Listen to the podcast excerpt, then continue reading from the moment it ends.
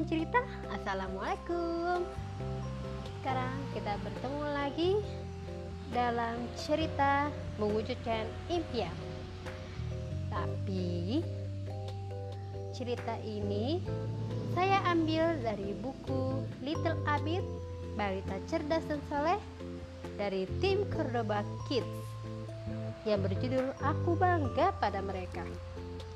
Kita mulai ya. Jadi, Bunda mau pergi belanja, tapi sebelum pergi, rumah dibersihkan terlebih dahulu oleh Bunda. Abid pun memuji bundanya. Bunda hebat ya. Di depan kuda dan sapi. Ayah juga hebat. Mereka mau membesarkan dan mendidik kita, kata sapi. Saat perjalanan, Abid dan Bunda ketemu Bu Guru. Bu Guru mau ke mana? Tanya Bunda. Mau mengajar anak-anak jalanan. Jawab Bu Risma.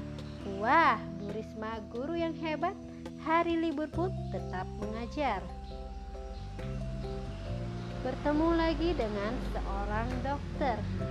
Dokter sepertinya buru-buru sekali sapa kuda.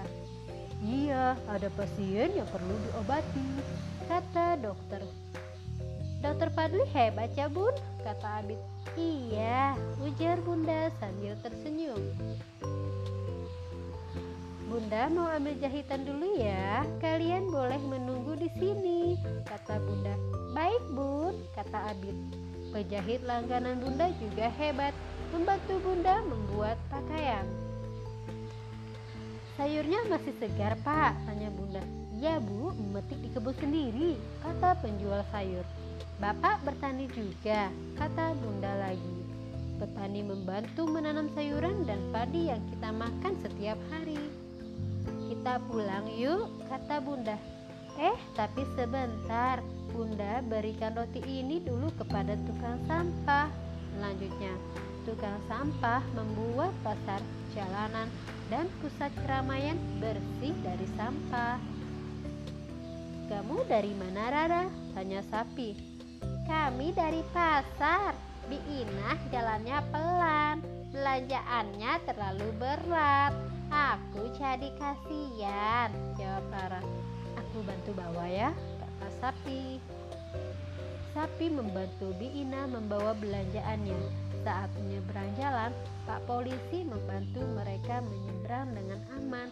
Untung ada Pak Polisi dan Bi Inah. Rara kan belum bisa menyeberang sendiri. Bu, kalau sudah besar, Abid ingin jadi orang hebat seperti ayah dan bunda, kata Abid tiba-tiba. Bunda tersenyum. Jadi, apa pun tak masalah. Yang penting Abid berguna bagi semua orang. Ujarnya, Alhamdulillah ceritanya sudah selesai. Apa yang bisa diambil dari pelajaran ini? Dari cerita ini? Jadi, apa pun impian kita, yang penting kita bermanfaat bagi orang lain Oke, teman-teman oke kawan cerita. Sekian dulu cerita di pagi hari ini di kamar cerita. Kita bertemu lagi di lain waktu ya. Kawan cerita, see ya. Wassalamualaikum.